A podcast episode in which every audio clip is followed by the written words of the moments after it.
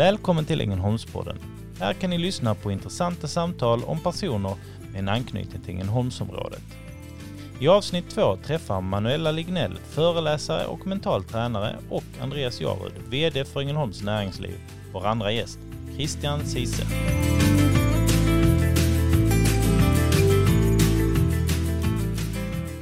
Välkomna till Ängelholmspodden. Eh, Jag heter Manuela Lignell och med mig idag har jag Andreas Jarrud från Ängelholms eh, Näringsliv. Hej Andreas. Manuela, hej. Välkommen hit. Tack så hemskt mycket. Idag ska vi prata med Christian Cise, stridspilot, instruktör och uppvisningsflygaren i Team 60 som blev VD för Ängelholm och Helsingborgs Airport. Christian har genomgått många förändringar, både självvalda och påtvingade, och har alltid haft förmågan att växa och utvecklas med dem. Välkommen hit. Tack så mycket, snälla ord. Det är jobbigt att leva upp till det i den här intervjun. Ja, men det tror jag, liksom när man eh, studerar dig lite så är det ju så att det har hänt eh, grejer under årens lopp som du har fått eh, möta, utvecklas av och det känns ju som att du alltid har kommit liksom fram ett strå vassare. När jag tittade på det så tänkte jag så här liksom 1988 tror jag du blev stridspilot. Två år innan hade min favoritfilm Top Gun haft premiär. Är det som på film att vara pilot? Ja, det är lustigt att du säger det, för att just Top Gun, det var ju faktiskt så om man backar bandet, precis som du säger. Jag började egentligen i flygvapnet 87.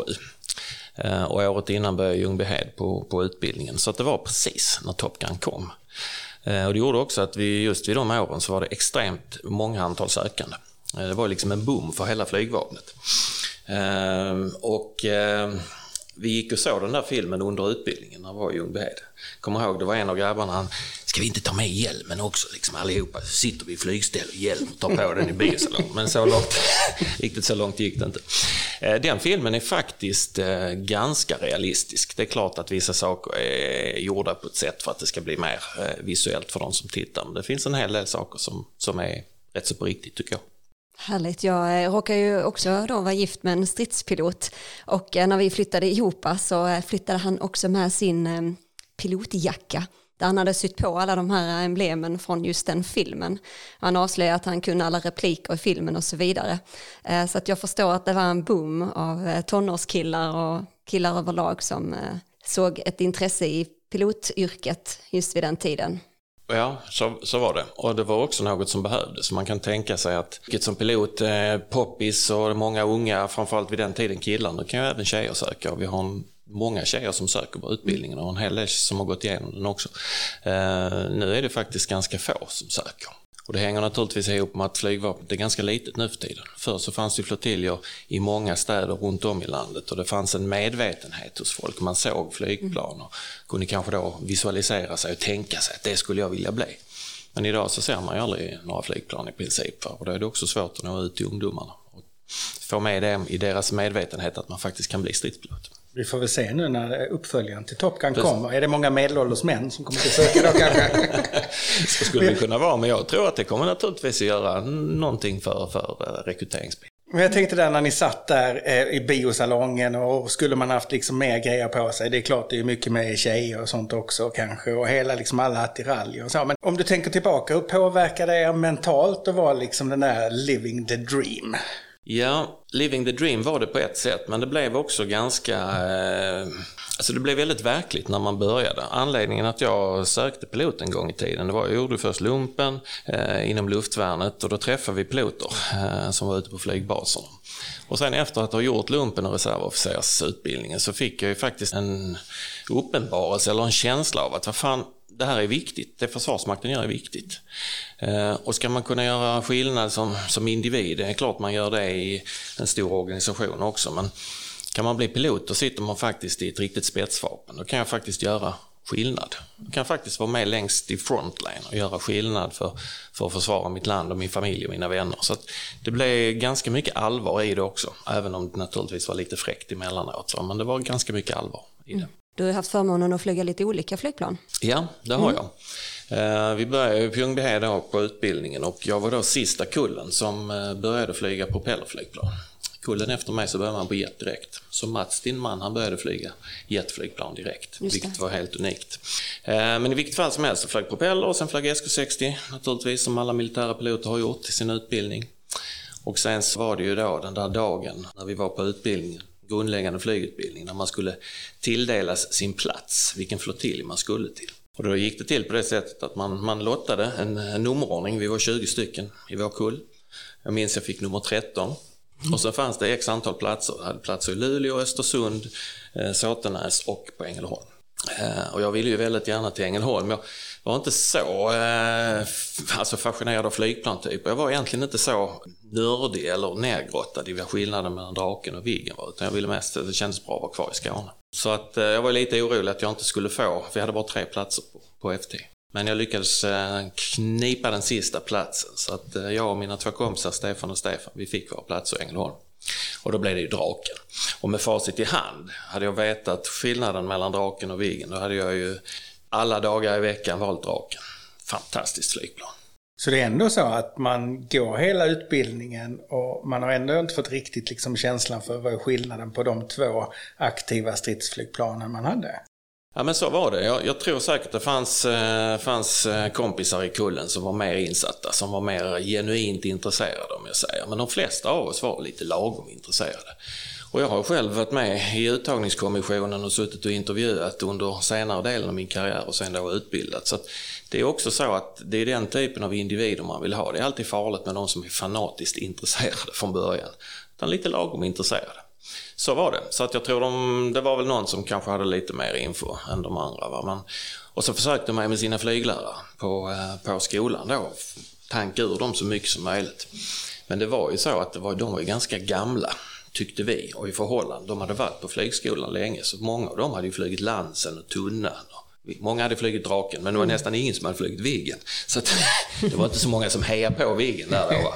Så det där fattar man inte riktigt utan det blev mer slumpen som fick eh, avgöra. Men jag är otroligt glad att det blev som det blev. Eh, Draken fantastiskt flygplan, F10 fantastisk flottilj och jag fick åka dit med mina två bästa kompisar. Wow. Stefan och Stefan och Christer. Stefan och Stefan. det låter nästan som en sån komediserie. Ja, du tänker på Christer och Stefan. jag heter Christian. Christian, alltså nästa. Jajamän. Jag har suttit ett par gånger på svärfår PO då som du har flugit Team 60 med eh, och eh, när eh, Mats och PO kommer igång och pratar om flygning så hänger man ju inte med. Nej. Det är ju ett, en entusiasm och en glädje i deras röster och deras ögon och hur de beskriver sin arbetsplats och hur fantastiskt det är att flyga där uppe vid molnen. Kan inte du beskriva någon upplevelse du har haft när du har suttit i ett stridsplan? Det är, ju, det är ju så, och det har jag tänkt på så många gånger, eller många, många frågar, liksom, det måste ju så häftigt, man står på banan och drar på och känner axet. Och, ja, det är det. Men det blir ju också naturligtvis en normalitet i det. Eh, vilket är lite tråkigt på ett sätt, för man önskar att man fick uppleva det där unika varje gång. Men visst, det finns, eh, det finns stunder och eh, framförallt eh, känslan när man, det är dåligt väder här nere, man startar. Eh, kanske i förband, kanske med hela teamet. Eh, sex flygplan tillsammans. Och man, man åker i moln och det är grått och tråkigt. Och sen så skär man igenom molnöversidan. Och det blir bara vitt balgolv och solen skiner på en. Det är nästan en religiös upplevelse. Fantastiskt. Det är då en annan vanlig dödlig tänker liksom, kan vi få en drink till för nu börjar vi närma oss Medelhavet. Men för dig var det bara en vanlig jobbsituation. En vanlig jobbsituation. Men det var kanske det man också tyckte när folk frågade vad det bästa med jobbet var. Ja, förutom kollegor och kamrater så är det det att man får fan se solen varje dag. Och det, det gör ju någonting för humöret. Piloter är lite av naturen lite bekymmersfria gott humör på något sätt. Jag tror det beror på att man får se solen varje dag. Tillbaka till det där med skillnad på flygplan. För, förklara för mig som inte alls. Alltså vad var skillnaden på Draken och Viggen förutom att de hade olika ålder om man säger så? Är det... Man kan säga som så att eh, två svenska konstruktioner och i grunden lite samma typ av flygplan. Alltså inte sådana vanliga vingar utan de här deltavingarna. Men den stora skillnaden var ju att i, i Draken så var ju allting analogt fortfarande. Du tog i styrspaken och det gick via roder och trissor ut, eller linor och trissor ut i roderna. Man flyg, flög flygplanet liksom till 100% själv. I takt med de olika versionerna av Viggen så blev det mer data, eh, mer hjälpsystem. Det blev också fler system att ta in information utifrån. Så det gick alltså mer kapacitet eller mer arbetstid i flygplanet gick åt för att bearbeta information för Viggenpiloterna. Vi hade inte mycket information. Vår radar var så dålig, jag brukar säga, det var som att sitta i en brevlåda och titta ut genom, genom inkastet. Mycket mer än så såg man inte. Så man var ju tvungen att ta sig in i kontakt med, med det flygplanet man skulle bekämpa och då handlade det om ren, ren yrkesskicklighet. man kan se det som en hantverkare, en skomakare från början som får jobba helt och hållet med händerna och sina egna verktyg, inga maskiner. Så kan man nog jämföra det. Och sen kom ju eh, JAS Gripen in. Ja, sen kom JAS Gripen och eh, jag var ju tänkt att, eh, att bli divisionschef på en av JAS-divisionerna på FT. Eh, nu gick jag inte med i den första omskolningssvängen för att eh, vi hade fått barn hemma och Helene, hustrun, skulle börja jobba så att det passar bättre om jag avvaktar till omgång två istället. Och under den perioden så kom ju nedläggningsbeslutet av FT.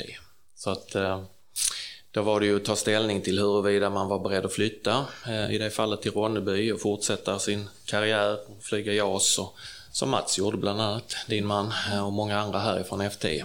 Jag kände att det var inte det jag ville göra. Eh, och sökte SAS bland annat, jag kom in och la det liksom, det kan vänta, det tar vi sen här. Sen kom ju 9-11 så var man ju glad att man inte hade gått till civilflyget för då blev det ju väldigt många uppsägningar där. Jag på flygskolan som fortfarande var kvar på F10 och som det fanns ett litet hopp att den skulle vara kvar i Skåne. Men blev det inte så heller utan den flyttade till Linköping. Jag förstod det som att eh, du var väldigt involverad i att försöka bevara F10 tillsammans med Henrik Svensson och, och Leffe bland annat. Ni mm. körde någon form av kampanj och ja. om jag förstod det rätt så var ni ganska nära också ett tag. Vad, vad, vad var det som hände? Ja, det är väl nästan preskriberat så man kan väl säga det mesta om det där. Men det var, det var precis så som du sa att jag, Leffe och Henrik, vi, vi var alla emellan de här omskolningsomgångarna så vi hade inte man säger vi hade inte fullt att göra på jobbet i vanlig omfattning. Och vi engagerade oss tidigt i, i eh, den här politiska processen. Och det är ju någonting som jag får säga att jag har haft ganska stor nytta av senare i livet och i min yrkeskarriär. En förståelse för hur politik fungerar, hur de politiska processerna fungerar och vad som faktiskt också händer bakom dörrarna. För man kan vara lovad en dag eh, någonting av eh, ett parti och sen så byter de bort det mot något som är mer värdefullt. Man, man helt enkelt förser olika partier med ammunition som de använder i en annan strid än i den striden man själv eh, har intresse i. Så det var ganska jobbigt och samtidigt var det jävligt intressant och vi var väldigt nära. Det slutade var vänstern som eh, i sista stund bytte bort vårt kort mot ett kort inom omsorgsfrågor istället. Så var det. Ja, det är intressant för normalt sett så har man läst om det så säger man att ja, det är regionpolitik ja. och så handlar det om det geografiska läget för att mm. kunna försvara hela landet. Och så. Ja. Men du menar att det är klart att det har funnits ett eh, spel bakom det också? Det har det funnits, men, men du har ju helt rätt att inledningsvis så var ju grunden för beslutet var ju regionalpolitiskt, eh, precis som du säger. Men eftersom det vacklade, eller det stod på ganska eh, osäker fakta så fanns det ju en hel del att, att arbeta med. Så att ehm, hade de stått vid sitt löfte, vänstern, i, i, i det fallet så hade vi fått ett, ett annat beslut. Det var ju också väldigt märkligt för, för många och för oss att man man la ner F10 men som ni minns så fortsatte man driva F10 i tre år till. För det var tvunget för att fortsätta utbilda jag så man kunde bygga upp ett nytt F10 borta på F17 istället. Ur ren regionalpolitiskt hänseende. Så det var ju totalt sett så måste det varit en, en, en inte helt lyckad samhällsekonomisk operation. Men samtidigt så får man regionalpolitik, det jag har förståelse för att om, om man hade varit modig och gått ut tydligt och sagt att det är enbart det här det gäller. Men man, man, vävde in, man, man vävde in massa andra argument som inte höll och det är då man blir förbannad och då vill man liksom, då tänds ju gnistan. Just det. Då är Christian på G. Ja, då är man på G naturligtvis. När ni då förlorade den matchen, eller vad man ska säga, vad, ja. vad, vad blev ditt nästa val? Då var det ju ett ställningstagande hur man... Eh, från början så under den processen så hade jag nog tänkt att lämna flygvapnet och, och gå till SAS då. Men eftersom då 9-11 kom mitt under den här perioden så var ju ställningstagandet huruvida man skulle lämna flygvapnet, bo kvar i Skåne, göra något helt annat eller eh, flytta upp då till Linköping i det här fallet. Men hustrun eh, har haft ett jobb under alla år där hon reser väldigt mycket internationellt. Så att en internationell flygplats var liksom helt nödvändig för hennes del. Linköping ligger på helt fel ställe. Eh, man hade inte någon, nu har man ju faktiskt en förbindelse till Amsterdam därifrån, men det hade man inte då. Så att då skulle antingen hon eller jag ge upp vår karriär och hit och dit. Så att vi landade i en kompromiss där vi sa, men jag börjar pendla, jag börjar veckopendla. Eh, så kan jag ändå behålla det, för jag, jag tyckte utbildning, alltså då hade jag ju gått, gått lärarutbildningen och flygutbildningen var jävligt intressant. Och Team 60 kändes ju väldigt eh, stimulerande så det fanns med väldigt mycket positiva grejer i jobbet. Och de här tills vidare blev ju tio år sedan. Så att, men man är bra på att anpassa sig. Alltså man har nya förutsättningar, man anpassar sig. Sen hade jag också bra förhandlingsläge eh, i och med att eh, jag hade en unik kompetens eh, just för, för Team 60-biten. Så jag fick faktiskt möjligheten att eh, åka hem på torsdag, att jobba in fredagen eh, under veckan som gick. Och det tror jag var en, en, en framgångsfaktor, helt enkelt en nödvändighet för att få veckopendlingen att fungera över så lång tid. Jag kunde faktiskt åka tidigt på måndag morgon. Jag åkte vid halv fem-tiden på måndagen och så kom jag hem torsdag kväll. Det är kanske bekant. Mm, jag känner igen det där. Jag ja. har ju då en, en man som, som veckopendlar till F17 ja. i Ronneby ja. då. Borde ju få ta eh, flyget med sig hem så hade det gått mycket snabbare. Faktum är att i början så hade jag hade rätt så långt gången diskussion med min chef där uppe då huruvida jag kunde få använda en SK60 till Halmstad då. Och sen så åka där fram och tillbaks. Men eh, det var ju många som pendlade i och med att man satte upp flygskolan i Linköping och lärare skulle komma från alla möjliga håll så gick det ju inte att göra en sån lösning för då skulle alla kräva det naturligtvis. Jag tänkte rent kompetensmässigt, då har du utbildat dig till stridspilot och du har varit det i 12 år ja, ungefär. Eh, du blir instruktör. Hur, hur, är det att utbilda stridspiloter? Är det något särskilt man behöver tänka Ja, till att börja med så ska jag säga det att alltså, det, var inte, det var inte frivilligt för mig att gå till flygskolan utan det var ju en effekt av eh, den här nedläggningen och att man kanske eventuellt skulle kunna rädda sig kvar. Så för mig så var det en liten en nödlösning. Och, och med den lösningen så kom ju Team 60 också som inte heller var självklar för mig från början. Men om vi går till lärarbiten så, ja, så gick jag lärarutbildningen då, instruktörsutbildningen. Jag har liksom tänkt, fan, pilot är man lite fräck, flyga själv, oh, så här. Utbilda känns ju lite, uh. Det visade sig att det var ju skitkul. Alltså lärarutbildningen var fantastisk. Och sen eh, att, eh, att utbilda elever, att eh, man får direkt feedback när man utbildar dem på det sättet. Alltså det är en väldig stimulans. Och, och se när poletten trillar ner och att det blir rätt. Och se deras glädje. För att inte tala om när man kommer till examen som är då efter ett år. Som är den stora dagen på flygskolan när man får stå där och stolt se sina elever gå fram och hämta sin vinge och alla anhöriga. Det är, då får man liksom ett kvitto på att man har gjort ett bra jobb. Så att eh, när det gäller att tänka på något annat så eh, när man träffar folk som är lärare och man pratar om det här, väldigt speciell pedagogik använder vi oss i Sverige. Vi har ju till skillnad från de flesta andra länder, det är många länder som har tittat på oss och, och ändrat till viss del men vår pedagogik som vi ändrade i slutet på 70-talet, eh, början på 80-talet i Sverige, det var ju att gå från att vara att instruktören var en, en domare, en kontrollant, till att vara en tränare och en coach.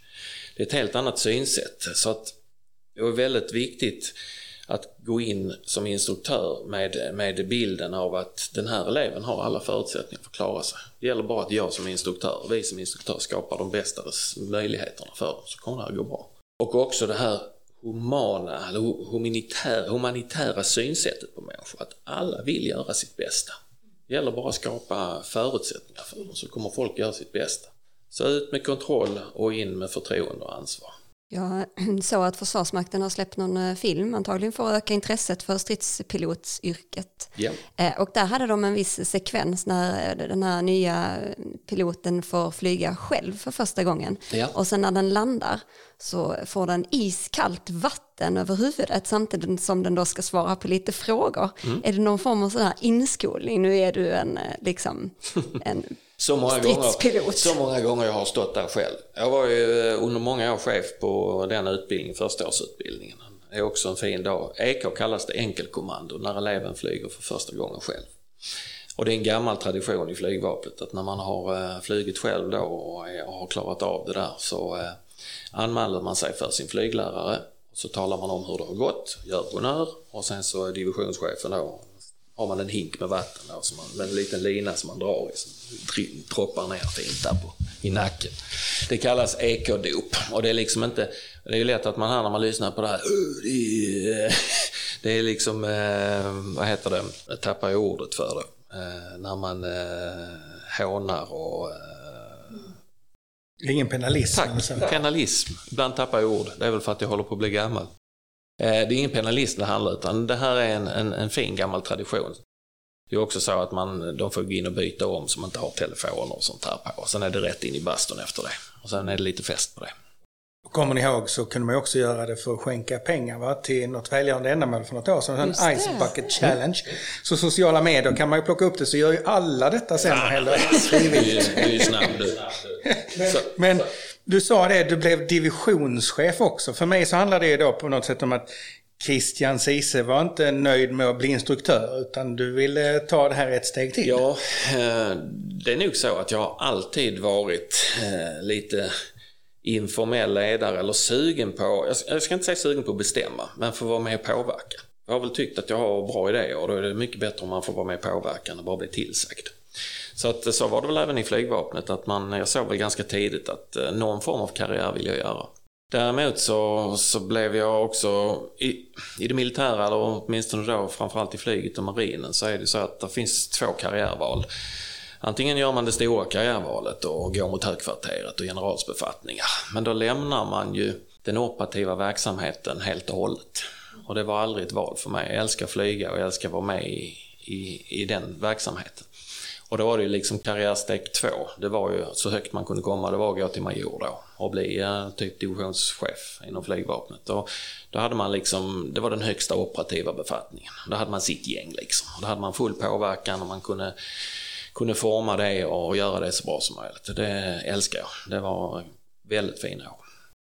Det är skönt att det är någon som vill hantera personal och löneförhandla och allting sånt också så att det blir gjort ju såklart. Det måste jag säga att eh, det var ju väldigt enkelt i Försvarsmakten med de här tablålönerna och sånt där. Jag kan säga att det har varit annorlunda de här sista åren i Ängelholms flygplats.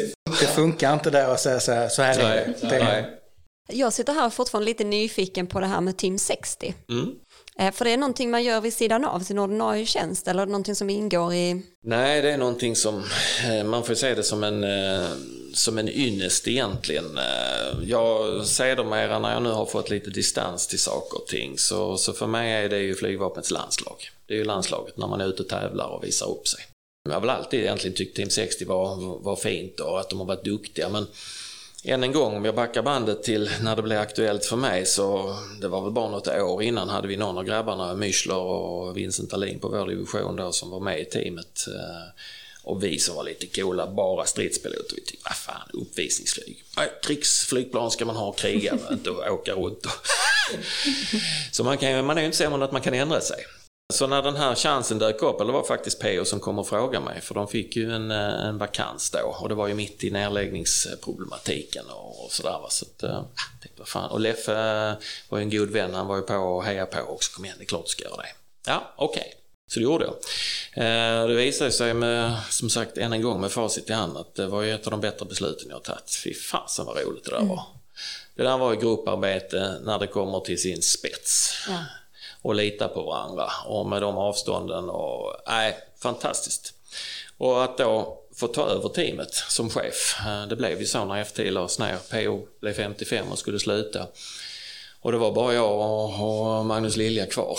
Eh, så vi var två man eh, och jag skulle vara chef och skulle sätta upp ett nytt team när vi skulle åka upp till Linköping. Via Uppsala, vi var ju där ett halvår. Så jag rekryterade ju och kände ju killarna på de andra divisionerna så jag visste vilka jag ville ha och eh, fick ihop ett, ett nytt team och byggde upp ett nytt program och ett nytt team i Linköping. Och en av de största dagarna får jag säga, i, eh, rent känslomässigt i mitt flygvapenliv, det var när vi hade satt ihop det nya flygprogrammet, eh, de nya medlemmarna.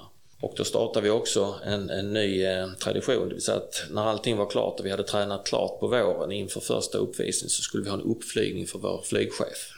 Då bjöd vi upp P.O. och Agne som var hans eh, vapendragare, som då från det gamla teamet. Att de skulle liksom ge sitt godkännande, inte det formella men informella. Och det blåste något satan den dagen. 50-60 eh, km i timmen och det är mycket när man ska flyga uppvisning. Det blir väldigt bökigt och stökigt i förbandet. Men vi satte den där uppvisningen och när de kom ner sen när vi hade landat och de kom ner till oss och liksom bara tummen upp och tack, fan vad det värmer hjärtat. Nu kan vi gå hem och känna oss trygga att Team 60 överlever. Ja, liksom, mm. Ja, riktigt härligt. Ja, vilken härlig känsla. Mycket. Så att eh, det var ju pilothantverk och eh, samarbete till sin spets. Du sa när du skulle välja ut det nya teamet, du hade en känsla du visste. För jag misstänker ändå att där vill man ha Sveriges bästa pilot, eller? Ja, Det är lätt att tänka att man skulle vilja ha det, men det är ju faktiskt så att de allra flesta piloter som har genomgått utbildning i svenska flygvapnet funkar i Team 60. För det, ingen hoppar ju rakt in i teamet hur duktig man än är och bara sätter det, utan det kräver ju träning. Men de flesta har, eh, har liksom eh, grundtalang och kompetens för att göra det. Så det handlar nästan mer om vilka individerna är. Det är precis som du ska sätta ihop ett eh, lag i idrott. Att uh, de kan vara jävligt duktiga. Alla är bra fotbollsspelare är duktiga fotbollsspelare. Du ska ha rätt individer som driver laget framåt och som tillför saker och som är positiva. Mm. Istället för sådana här handbromsar som man inte vill. Så att det var mycket individerna. Om man säger en del av de absolut roligaste och trevligaste upplevelserna i flygvapnet har jag haft med Team 60. Ett minne som är lite speciellt är det faktiskt den sista utlandsuppvisningen jag gjorde innan jag slutade 2005. Det var i Italien, eh, Rivolto, när det italienska teamet fyllde 45 år, Frecce Tricolore. Där de bjudit in alla europeiska team. Gissa hur många åskådare det är på en flygdag där nere i Italien? Tusentals eller? Mellan 3 och 400 000 åskådare. Wow. Det är lite häftigt. Och man fick åka poliseskort dit från den byn vi bodde liksom. Eh, motorcykelpoliser innan väck med alla här för att vi skulle komma i tid. Så. Ja, häftig upplevelse. Och då, då känner jag att man, då var man fan ute med landslaget. Men än en gång så var det, det var lite svårt att njuta av det då, för man hade ju en press, en anspänning, du ska prestera, det ska Det var ju skönt efteråt, men det är faktiskt först nu år efteråt som jag verkligen kan njuta av det och uppskatta. Vi pratade ju om Top Gun innan och där har de ju sådana här flygnamn. Mm. Eh, och jag har ju då som sagt hört att det mm. har vi även här i ja. Sverige. Jajamän. Och um, vad hette du? Mitt namn blev Gambler. Gambler? Ja. Mm. Ja, jag förstår ju. Du behöver inte ställa följdfrågan. jag förstår ju varför. Vi hoppas var att du inte tog många chansningar när du flög. Nej, och det är lite intressant för att det var ju, innan jag ska förklara anledningen till Gambler så, eh, så var det ju, under karriären, jag har flugit väldigt mycket VIP-personer i SK60 i olika sammanhang. Och eh, många av dem när de kommer dit och så ser de då Gambler. Varför står det Gambler? Det är förmodligen av samma anledning som, som du sa Andreas. Eh, till början så får man sitt callsign eh, av sin division när man har varit där ett visst tag. Och det bygger ju då på händelser eller egenskaper som man har. Och för min del så har jag alltid varit spelintresserad. Jag har spelat på fotboll och hästar och ja, allt möjligt. Kort gillar jag väldigt mycket. På ett hälsosamt sätt, får jag tillägga. Eh, så att eh, det var väl därför jag fick det namnet. Kunde kanske blivit Sweet Tooth också. Jag tänker, många gånger har jag sett Christian på stan i Ängelholm så, så har han kommit med liksom en stor påse godis till fredag och sådär liksom. Men, men det kanske är en, en vana du har tagit vid efter karriären? Ja, den har nog eh, utvecklats åtminstone efter flygarkarriären. Men du, du har rätt. Det skulle kunna vara så. Och det är faktiskt så eh, att man kan få ett nytt namn. Om det händer någon speciell händelse som, eller något annat som påverkar väldigt mycket så kan det bli omdop så att säga. Att man får ett nytt namn. Min man har ju varit med om det. Ja. Han hette ju Gamer från början och ja. sen var det en incident som hände och han fick byta namn. Men det är en helt annan ja. story. Precis, så är det. På, på tal om incidenter, kan du berätta om någonting i, i liksom under din karriär som har hänt som var liksom lite ovanligt eller någonting som du bär med dig. Man, man tänker de här också, man ser på nyheterna att nu har eh, Ryssland varit inne i svenskt luftutrymme igen och hela den biten. Mm. Ja, det är det. det, är det. Alltså, eh, när jag kom ur utbildningen eh, så att man så att säga var krigsplaceringsmässig, det var ju 89, då började man sitta något som heter incidentberedskap. Vi har ju en beredskap året runt, dygnet runt i Sverige. Det finns alltid två flygplan en rote som vi säger, som sitter i beredskap för att eh, eh, försvara vårt luftrum eller hävda vårt luftrum. Och eh, på den tiden, det var ju fortfarande kalla kriget, så man, vi satt ju rätt mycket ute på Visby. Så att det har bara varit både en och två och tre och fem gånger som jag har varit ute och skuggboxat med, med, med ryska flygplan. Ibland har det varit någon ny flygplantyp som man ville ha foto på. Eh, lite svårt att ta foto samtidigt som man manövrerar, men man försöker göra det mesta. Ja, vi har sett på Top Gun där, vänder han sig upp och ner och så fotar gör fingret och så. så jag misstänker att det är något sånt du ska berätta nu Christian. Ja, just den var kanske inte riktigt eh, verklighetstrogen. Men annars är det ju... Ibland gick det väldigt vänligt till, men ibland kunde det vara lite mer aggressivt eh, helt enkelt. Eh, så att, eh, ja, nej, det var på riktigt. Och då kommer jag tillbaks till det här som jag nämnde från början att det fanns ju också, många säger det måste vara coolt och fräckt. Ja det är det, men det är, för mig har det nog ändå alltid varit det, det allvaret i botten som, som har varit det viktiga. Sen eh, har det varit många roliga saker också och under träningen eh, när man tränade vi hade ju i och med att vi flög då Draken till skillnad från de andra Viggen-divisionerna så hade vi ju mot slutet då när vi kom en bit in i 90-talet och muren hade fallit och vårt system visste vi att det snart skulle ta slut. Då fick vi inte riktigt, då hade vi inte riktigt samma klara målbild av, av vad vi skulle träna och göra. Och då blev det lite mer High Chaparral, lite mer lustbetonade flygövningar. Får jag bara fråga där också, för att det blir ju speciellt på något sätt. Du sa nya flygtyper. Eh, du flög Draken. Om jag minns rätt så JAS flög väl första flygningen 88 mm. eller någonting man började testa. Och det var samma år då som du började som stridspilot. Mm. Och, sen så, och sen så tar det liksom 10-11 år, alltså någonstans där innan planet är i drift. Ja. Och sen flyger du ett manuellt Draken. Alltså gick ni och väntade? Kan det inte bli färdigt snart? Eller alltså hur? alltså, man tänker att man ligger i frontline av utbildning. Men man vet att något ska komma, men när alltså, kommer det få? Fick ni testa? Var ni med ut liksom? Provning? Nej, det var vi inte. Det funkar inte så att, eh, så att säga, divisionerna i sig är med i utprovning utan man har en speciell provenhet på Saab då. Va? Och sen när de har kommit en viss bit, då börjar de plocka in folk från eh, flygvapnet. Men det är en speciell enhet som också är som en provflygningsenhet men, men inom flygvapnet. Så det är flera olika steg. Så vi som var ute på divisionen, vi hade egentligen inte speciellt mycket info. Eh, utan vi, vi körde på med det vi hade. Om jag ska vara helt ärlig så, så tror jag dubbelbottnat. Det fanns säkert en del som, som längtade efter det nya. Men samtidigt så tillhörde jag nog mer den andra som ville suga ut så mycket som möjligt av att få flyga det här fantastiska flygplanet lite till. För vi insåg att det här är slutet på en, det, det är liksom slutet på en, en hel eh, tidsepok. Den här generationen flygplan kommer vi aldrig se mer, åtminstone inte i Sverige. Lika stor skillnad som från dubbla vingar? Liksom. Ja men alltså det var ju så och, och, och, dessutom de som sen, eh, nu gick jag ju aldrig omskolningen till JASen, eh, men de som gick direkt från, från Draken till JAS, de hoppade ju över en och en halv generation. Och det var ju ganska kämpigt för dem. Framförallt att hantera, man kom från inget system till ett fantastiskt system. De som hade flugit eh, Viggen däremellan och jaktviggen, de hade ju liksom redan flugit i så att säga systemet, informationssystemet. Så de har mer en ny plattform att flyga. Jag tänkte 2011 så skickade ju faktiskt Sverige och Försvarsmakten mm. JAS-plan Yes, det var ju, var ju första gången vi eh, skickade stridsflygplan ja. och inte bara transporter och hjälp. Men bara som spaningsinsats dock. Ja. Var befann du dig vid detta tillfälle? 2011 var jag i eh, Linköping och utbildade piloter. Så det var ju aldrig någonting som, i och med att jag inte har, jag har inte flugit JAS operativt. Jag har flugit några pass, det var så här att eh, jag nämnde ju tidigare att när jag själv gick eh, på Ljungbyhed så upplevde vi lärarna som gamla och de hade bara flugit Lansen och Tunnan. Så efter ett antal år på flygskolan så, så började jag titta mig runt omkring och säga att fan hur många instruktörer har vi egentligen som har flugit JAS? Och det var inte speciellt många. Eh, vi fick några ibland på, eh, som kom in en eller två år och sen så ut igen. Men huvuddelen av oss som var där var ju eh, gamla Viggenpiloter och så då några som jag då, Drakenpiloter. Så vi fick, fick, faktiskt till ett orienteringsinflygningsprogram för alla som inte hade flugit JAS. Så vi fick mellan fem och tio pass vars, vi, om jag säger äldre flyglärare. Och det var ju jäkligt bra, för då hade man någonting att relatera till. För de nya eleverna, de ville inte prata draken de vill naturligtvis bara prata JAS.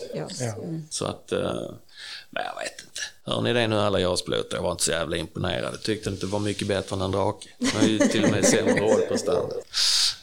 Och så är det. Nu har Christian sagt vad han tycker om JAS. Jag tänkte på det också, om vi, ska, vi kan återkomma till, till flygvapnet och hela den biten. Men du, du inledde ju sen ganska snart därefter, 2011, 2013, en civil karriär. Och du kommer tillbaka till samma område. Nu är det inte ett militärt område längre. Du blev VD för en eh, civil flygplats. Och inte bara en civil flygplats utan en privat civil flygplats 2013. Hur kändes det? Ja, det var ett stort steg naturligtvis. För det första så var det egentligen aldrig tänkt att det skulle vara så, för det året skulle jag fylla 49. Och i flygvapnet, om man har flugit med 25 år, vilket jag redan hade gjort då, så får man gå i pension om man är 55.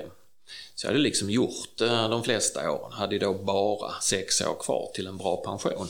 Men samtidigt så pendlingen slet lite. Eh, framförallt så var det en känsla i mig att Visst, nu är divisionschef här på GFU, skulle vara det ytterligare sex år, men jag var, hade redan varit det ganska länge. Va? Så jag kände att är det någon gång jag ska ha möjligheten att göra något annat och prova mina vingar på något annat så är det här. Och ivrigt påhejad av min hustru måste jag säga. Så så här i efterhand får jag säga att jag är jäkligt stolt över att jag vågade ta det beslutet, mm. för det var inget enkelt beslut. Mm till viss del så spelade det också roll att eh, eh, min grabb, eller vår grabb, eh, John, han var precis, skulle gå ut nian och sen var det gymnasie, han handbollsspelare, han skulle gå handbollsgymnasium i Lund. Med allt vad det innebär, upp tidigt och ja, hålla koll på sin kost och resor och träning och skola och allt sånt. Så att, att få vara närvarande på hemmaplan under den perioden var också, var också en avgörande faktor. Um, så att, um, nej, jag hoppade på det och tänkte fan jag kör på det här, det ska bli spännande. Jag hade inte så mycket aning om vad jag gav mig in på faktiskt. Nej, det måste ju varit speciellt att både komma tillbaka till ett område som man då hade, du hade jobbat på som militär. Nu var det ett annat område och sen så då också ta, ta liksom en, en helt ny karriärsbana med ännu mer ledarskap kanske på ett sätt. Men nu leda civila personer. Vad, vad var den största skillnaden tyckte du med att liksom gå från ledarskap i Försvarsmakten till att leda i det privata näringslivet? Ja, det var egentligen grejer som jag funderade på redan innan jag tog steget. Man börjar ju liksom fundera på vad kan jag egentligen? Jag har ju bara flugit liksom. Hur ska jag klara det här? Men samtidigt så hade jag ändå en känsla av att alla de här åren inom militären, flygvapnet, de olika grejerna jag har gjort i olika chefsbefattningar, att någonting borde man kunna ta med sig och omsätta eh, i ny, på ett nytt ställe. Så jag tog med mig mycket av de här tankarna eh, in i, i det nya. Men den största utmaningen och den största skillnaden för mig var att i flygvapnet så har man jobbat med, med människor som alla hade tagits ut genom samma rör. Om jag säger. Det var ganska, vi var ju ganska lika, det inser jag nu i efterhand.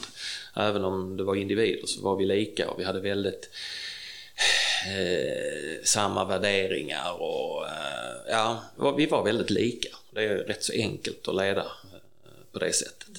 Nu var det en helt annan grej, både i ålder, kön, bakgrund. Eh, ja, det var en utmaning. Det visade sig att de, de verktygen som jag hade med mig, jag tror att de funkade väldigt bra i det civila också. Vad var dina, dina liksom främsta mål som VD över flygplatsen?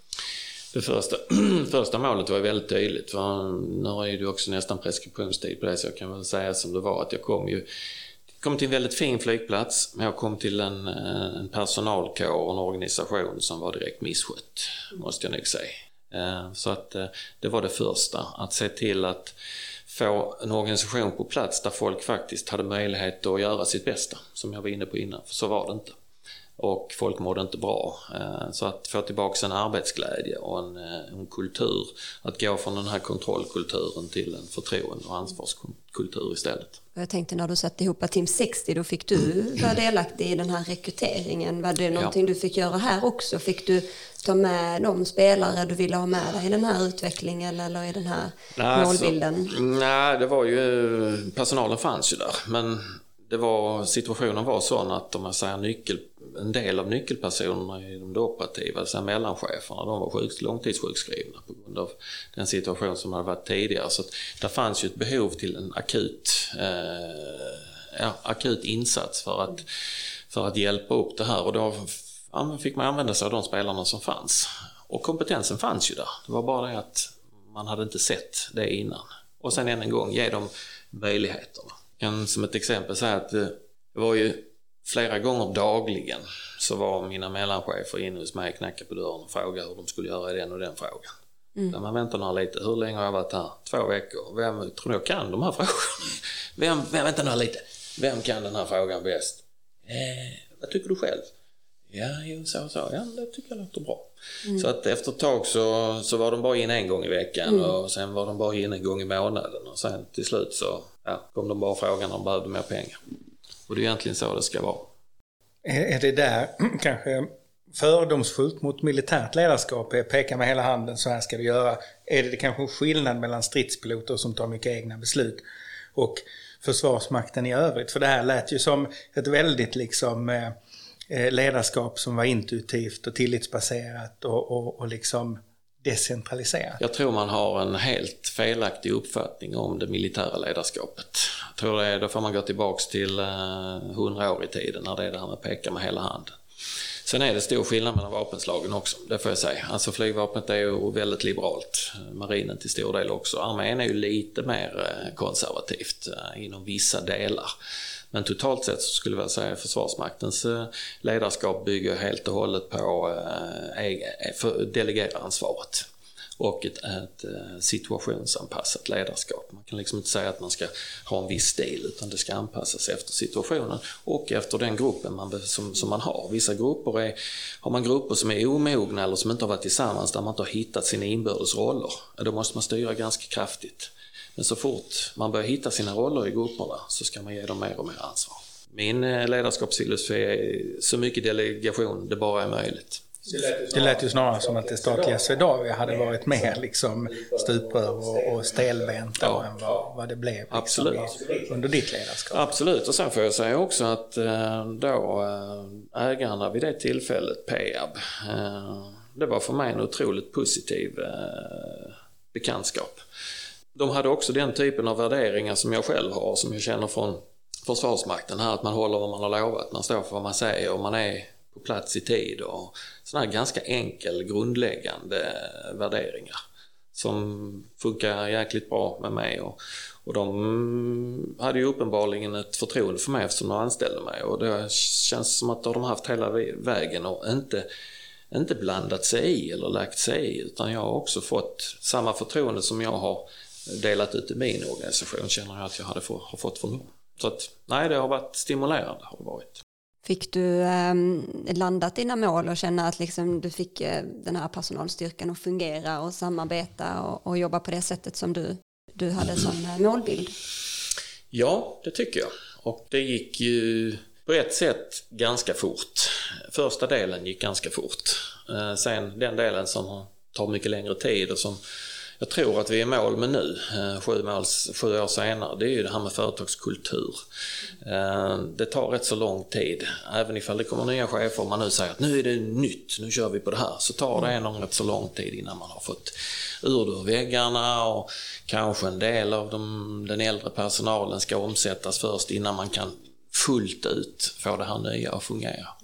Vilket jag tycker har vi ut. Vi har en fantastisk arbetsplats på flygplatsen. Och jag började hoppas och är övertygad om att de, mina medarbetare trivs väldigt bra. Det är ytterligare en sån här grej, det är många som säger det. Man måste ha roligt på jobbet så att det ska, man ska göra sitt bästa. Ja, men hur skapar man det? Det är inte så, så enkelt som, som, som det är sagt. Men jag håller med, det är så. Man ska trivas när man går till jobbet. Hur gör du för att skapa glädje på jobbet? Eh, för att skapa glädje på jobbet, har ju, vi har ju vår egen eh, administration eh, och det är som vi pratade om här innan vi började sända om någon av våra beslutsfattare som har varit på Kanarieöar nu nyligen. Det här med att man måste, man kan inte bara säga, alltså folk gör inte som man säger, utan folk gör ju som man gör. Det går inte att komma till kontoret och vara lite halvmolucken själv, utan man får komma in där, ah, måndag igen, yes! Mm. Ja det blir det ju, alltså det behöver inte vara mycket svårare än så bjuder man på fika någon gång. Men det, det, är genom hur jag agerar eller hur du agerar som, som eh, man bedriver ett ledarskap, tycker jag. Att leva som man lär. Ja, mm. så är det. Ja, eller lead by example. Ja, lead by example. Liksom, så. är det. Jag vet ju också att du tittade på förutsättningarna för att skapa så god ekonomi som möjligt och ni började jobba med tiokampare. Mm. Vill du förklara det för oss? Ja, det, jag ska inte ta åt mig den äran helt själv för det var, det var någonting som redan, redan hade startats när jag kom dit. Ehm, det är något som heter Basic Airport och det betyder egentligen att flygplatsmedarbetarna har väldigt många olika kompetenser och arbetsuppgifter. Ehm, på en mindre flygplats, som vi ändå får kalla oss, så, så är det ju så att eh, det är ju inte verksamhet, full verksamhet eh, från det att vi öppnar till vi stänger. Utan det är vissa perioder då det är väldigt låg verksamhet och samtidigt är det vissa perioder då det är väldigt intensiv verksamhet. Som på morgnarna till exempel, eftermiddagen, kvällen när det kommer mycket flygplan. Och då vill det till att, att för att kunna vara effektiv eh, i sin personalplanering så måste personalen och medarbetarna kunna göra flera olika saker. Det är saker som behövs när det är avgångar och ankomster, men också arbetsuppgifter som behövs när vi har det lite lugnare.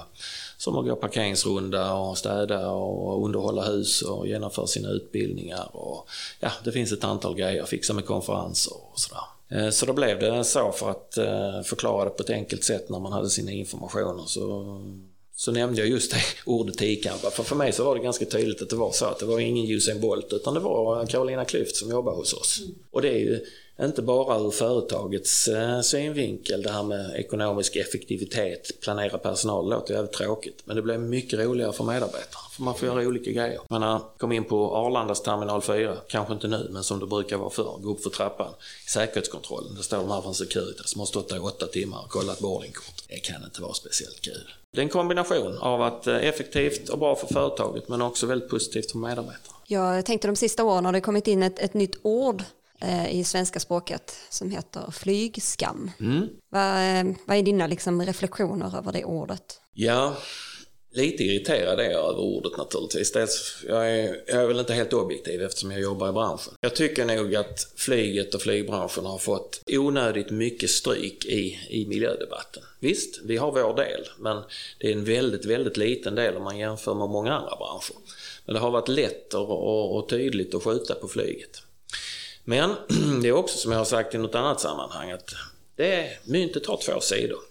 Det är inte bara nackdelar med att hamna i skottgluggen på det här sättet. För den stora fördelen med att ha hamnat i skott, skottgluggen för flygbranschen det är att vi har blivit tvingade att accelerera arbetet när det gäller hållbarhet. Och vi är väldigt långt framme jämfört med andra branscher. Så att i slutändan om ett par år när vi tittar tillbaka så kanske det är just det här som har gjort att, att vi kommer ledande ur det här. För jag tror på fullt allvar att inom fem är kanske kortaste laget, tio kanske längsta, någonstans däremellan så har vi ett helt annat eh, flyg när det gäller hållbarhet. Och då kommer man att kunna flyga och vilja flyga på ett helt annat sätt.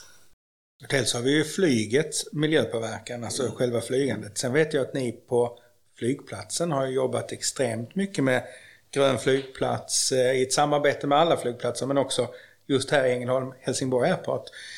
Har ni gjort många satsningar? Kan du berätta lite om det? Ja, det var också något som startade innan jag kom, så jag ska inte ta på mig hela äran för det heller. Men vi har ju fortsatt. Vi insåg ju ganska tidigt att miljöfrågan, hållbarhetsfrågan kommer att vara väldigt viktig för hur man ser på vår flygplats. Hur regionen ser på vår flygplats, hur, ja, hur resenärer och, och, när det kommer till valet av, av transportmedel. Och då sa vi tidigt att ja, vi, ska, vi ska göra allt vad vi kan när det gäller själva flygplatsens miljöpåverkan. Ja, vi har gjort ett antal grejer. Den stora grejen var ju solcellerna på taket. Vi har också eh, utökat eh, möjligheterna till eh, laddplatser laddplatser bilar. Vi hade ju två en gång i tiden. Nu har vi 20 och vi har förberett för 100 till. Och sen allt smått som äh, rörelsestyrning för ljus och klimat, vi byter till LED-belysningar. Eh, alla våra fordon själva går på äh, fossilfritt bränsle. Så att jag har sagt att vi kommer att vara klimatneutrala 2022. Men det kan vara så att vi klarar det redan det här året faktiskt. Vi värmer motorerna va? med fjärrvärme till exempel. Helt rätt. Det var en, eh, en eh, uppfinning som eh, vi inte gjorde själva men tillsammans med ett litet bolag hjälpte vi dem att ta fram en, en värmare. Det är ju så att de flygplanen som stannar kvar över natten, vi har inga hangarer hos oss Så att de flygplan som stannar kvar över natten, de, de står ute. Och när passagerarna ska in på morgonen då på 6.20 flighten, det är inte så kul om det är två grader kallt där. Så att de värms ju upp då innan med sådana stora slangar. Och där kör vi med fjärrvärme. Och det är vi de enda som gör. Så att, uh, häftigt. Blev vi nog uh, nominerade till Ängelholms kommuns miljöpris tror jag, 2011. Så det var före min tid. Så att, men, mm. så att uh, häftigt och uh, jag tror att vi kommer att bli, jag har precis fått höra viskas att vi kommer nog att bli nominerade till ett annat miljöpris det här året. Spännande. Att, det ja. känns ju jätteroligt naturligtvis. Nej, för visst är det ganska intressant det där liksom att samtidigt som man har diskussionen om liksom den stora miljöpåverkan och jag förstår att det är lätt att peka ut en specifik bransch eller så. Samtidigt så kan man då säga att branschen själv börjar röra sig väldigt mycket mot att hitta lösningar såklart för att, för att kunna överleva. Men en, ett annat sånt perspektiv tror jag att för många personer så ser man liksom flygplatsen som, ja det är där man flyger till Stockholm ungefär.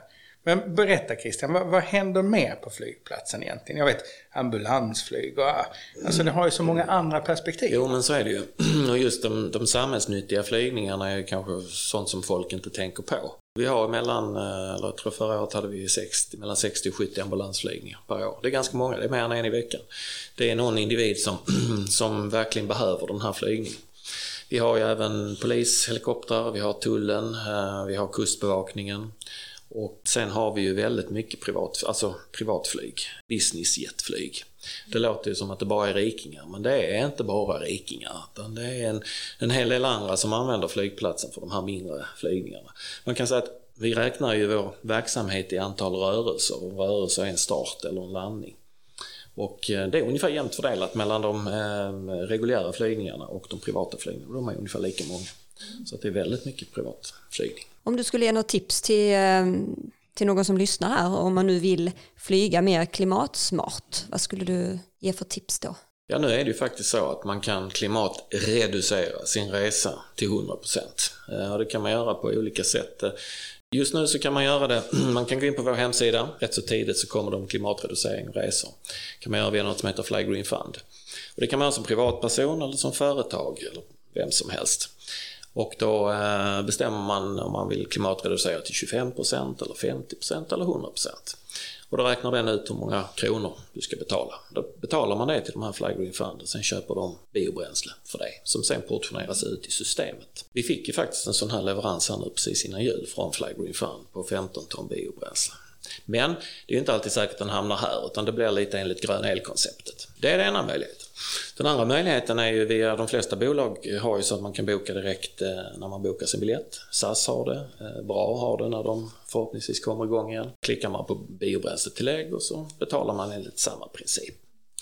Den stora skillnaden nu, eller den nya som känns väldigt bra att vi kan göra från och med nu, eller från och med den första december. Vi blir klara med ett upphandlingsavtal tillsammans med en del andra regionala flygplatser det är en leverantör av biobränsle. Så nu kan vi beställa vårt biobränsle hit till Ängelholm. Så att framförallt för företag, större organisationer som känner att ja, vi vill flyga, vi vill ha gott samvete när vi kan flyga. Då talar de bara om, eller de eh, hör av sig till oss och säger Christian eh, nästa år så planerar vi att göra 100 resor upp och ner till Stockholm. Perfekt! Lägger vi in 100 resor i vårt Excel-mark så blir det x antal liter bränsle så köper vi biobränsle eh, för de resorna och sen skickar vi fakturan på mellanskillnaden mellan vanligt bränsle och det här bränslet till företaget. Och så kan de sätta upp på sin hemsida att vi klimatreducerar till 100%. Och då får man det dessutom lokalt här i Ängelholm. För för vissa kan det vara viktigt att det inte bara är tankas någonstans i Sverige utan att det ska vara här. Och det är viktigt för oss också. Vi vill ju naturligtvis profilera oss som en eh, ledande flygplats inom miljöarbetet. Det är väl det också som är skillnaden på att klimatreducera och klimat klimatkompensera. Det är jättefint att kompensera men då kanske man köper träd i Afrika.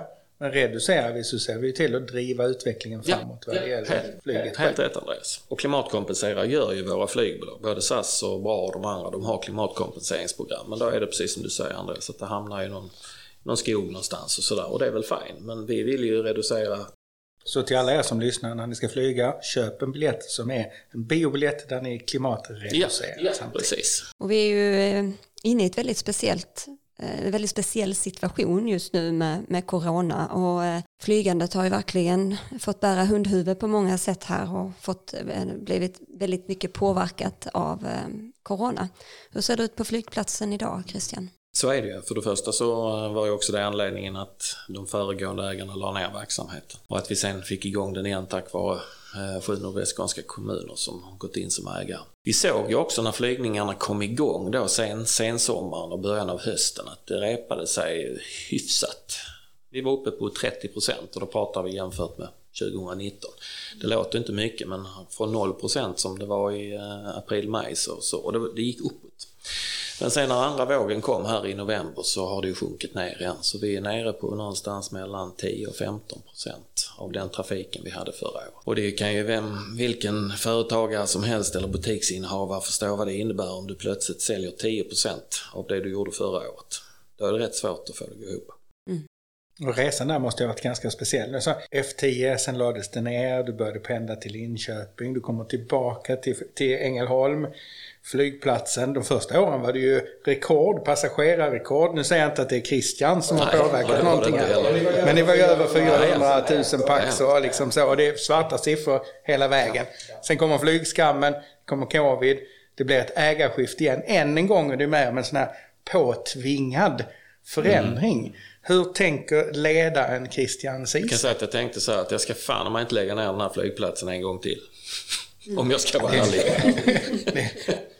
Och det gjorde du inte heller. Nej, och det var naturligtvis inte enbart mitt, eh, min förtjänst på något sätt. Men jag var åtminstone delaktig i processen. Och det känns otroligt skönt. Och det är väl också kanske en av anledningarna till att jag nu också, jag fick ju tacksamt nog frågan från de nya ägarna att fortsätta mitt uppdrag men jag tackade ju nej till det. Och det känns, en av anledningarna var just att jag känner att jag har gjort en rätt lång resa med den här flygplatsen. Det blir åtta år, åtta år är lång tid. Inom Försvarsmakten så har man alltid 3-5 år på samma position, sen ska någon annan dit. För det, det blir inte samma kreativitet och innovation.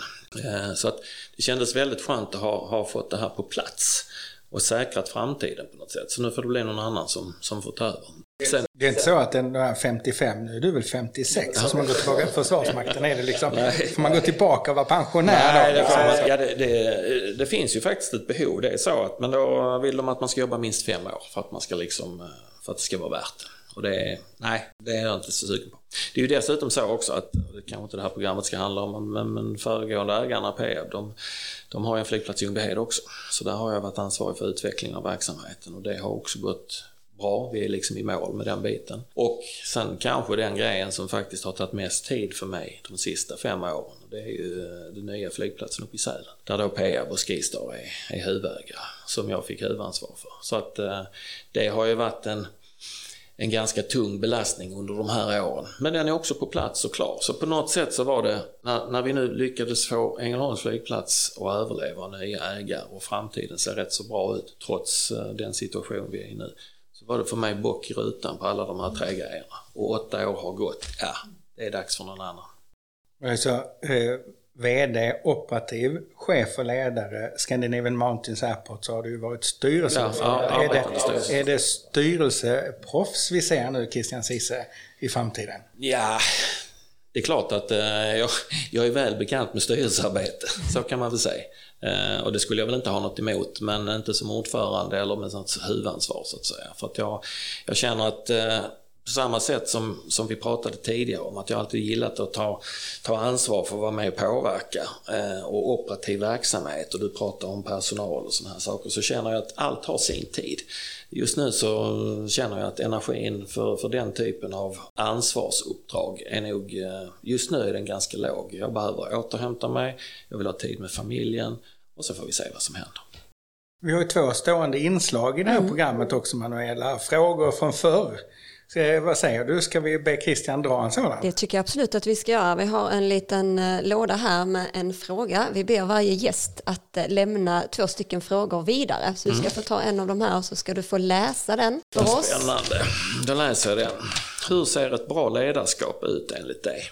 Det var ju en passande fråga tyckte jag. Det har ju handlat rätt mycket om ledarskap idag, men Ja, det har det gjort. Men alltså för mig så, så är det som jag sa innan att det här, ett bra ledarskap det är ett situationsanpassat ledarskap. Och då är jag tillbaks i, i, eh, i den eh, tankeloopen runt att man måste titta på vad, vad är det för organisation eller människa eller grupp du ska leda. Mm. Eh, var befinner sig den här gruppen? Eh, som jag sa, är den trygg sammansvetsad där man redan har koll på sina roller? Ja, fan, då är det bara att ge, ge dem uppgiften och sen så be dem återrapportera. Men är de i den andra delen där det finns mycket oroligheter och, och eh, turbulens, ja då får man styra väldigt hårt. Och sen har du hela spektrat däremellan. Mm. Men i grund och botten så handlar det om att delegera så mycket du kan. Det är de som, de som ska genomföra arbetsuppgifterna, de ska ha så stor påverkansgrad som det är möjligt mm. på hur de ska göra det och hur de vill göra det. Eh, då får man absolut bäst resultat. Tack för det svaret. Eh, vi har också bett dig att ta med en personlig sak som du ska få, eh, eftersom nu de som lyssnar inte ser mm. vad du har tagit mm. med dig, så tänker jag att du ska få beskriva vad du har tagit med dig. Och det som vi är nyfikna på det är lite, vad, vad är den här, vad betyder den här saken för dig? Ja, eh, jag funderar också på det här när ni frågar om vad man skulle ta med sig. Jag började titta på min gamla Team 60-hjälm och allt möjligt. Men sen insåg jag att den saken som då egentligen kanske betyder mest symboliskt för mig, den har jag med mig alltid och den har jag på min kropp. Eh, I form av en, en tatuering som eh, jag gjorde för ett och ett halvt år sedan tillsammans med min son. Det är egentligen ett familjemärke kan man säga. Vi har pratat om det länge och min son tatuerade sig för ett antal år sedan. Jag har egentligen alltid varit lite sugen på det men tyckte man har blivit för gammal och det känns konstigt och vad ska det vara och var ska den sitta? Äh, sådär. Men eh, när John då hade varit och, och, och tatuerat sig första gången så hade han pratat med, med tjejen som tatuerade och de hade skissat upp en bild. Eh, och det är då i form av ett, eh, ett Z, så får ett efternamn Cise. Och sen finns det då eh, tre bokstäver inlämnat i Z. Det är C för Christian, H för Helene och J för John. Och längst upp på Z så sitter det tre fåglar. Och det är uh, Three Little Birds. Three Don't little worry about a thing, every little thing's gonna be alright. Wow. Bob Marley-låten som har varit vår familjelåt under alla år. Så att på det sättet så, när jag bara såg det märket så kände jag, åh, så har vi det på samma ställe här, närmst hjärtat. Wow. Och den här kan då alltså våra lyssnare gå in och titta på på vår eh, sida. Det värsta är Christian att vi kommer att lotta ut de här grejerna sen. Så vi får se vad vi gör med det. Vi, vi skickar hem er till er lyssnare. Ni får en hel dag med Christian. Han kan sitta där, plinka på gitarren, sjunga Bob Marley. Aldrig hört Christian Fast jag snappar faktiskt upp en sak till. Du sa att det är en ny tatuering på gång också på andra sidan. Det är det. Och vad är det alltså, för någon ja, men Det blev ju så att när man väl har, det är som att gå över en tröskel på något sätt. När man väl har, har gjort det där va, så, så Familjemärket, det var, det var nummer ett. Men sen har jag också alltid funderat på någonting runt det vi har pratat om, yrkeslivet. Jag har haft 27 år i flygvapnet och det har betytt otroligt mycket för mig. Min identitet, alla mina kamrater, allt jag varit med om. Så att eh, nu har jag faktiskt precis här i förrgår slutfört en, en ganska stor eh, tatuering. Eh, där eh, flyget, flygvapnet, Johan Gul, tredje divisionen F10, Team 60, alla, allt det viktiga finns med. Och mitt callsign, Gambler. Wow, med det tycker jag att vi tackar så oerhört mycket Christian Cise för att du ville komma hit, för att vi fick ställa frågor till dig. Och tack så mycket Andreas för att du har varit med och eh, stöttat och ställt bra frågor. Så eh, tackar vi för oss. Tack, det var jättekul att vara med. Tack för att du lyssnade på oss och följ oss gärna på sociala medier såsom Instagram, Facebook eller LinkedIn. Där heter vi Ängelholmspodden med E. Där kommer vi lägga upp bilder från avsnitten och nyheter om kommande gäster. Har ni tips på gäster eller andra frågor, skicka dem gärna till info Vi skulle vilja skicka ett stort tack till Fredrik Larsson som lånar ut sin låt Världen är din till oss. Låten finns att lyssna på på Spotify. Och till Pierre Boman som har gjort vår logga. Eftermiddagen är så lång, kaféet är nästan tomt och jag är lugnet själv där jag sitter vid ett bord. En hätsk debatt, ett utländskt par. Jag sitter mitt emot. Jag hör tidningsbladen vänds sakta bakom min bil. Det skulle alltid vara vi. Tills vi blev dom. Nu är hela världen min lika mycket som din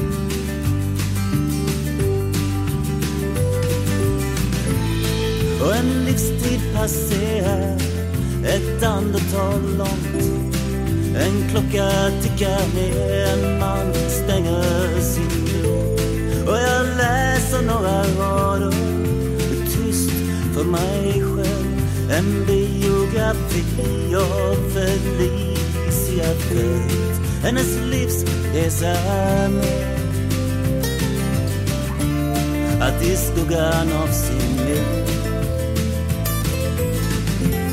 Där i den mörkaste botten låg den vackraste törn. Nu är hela världen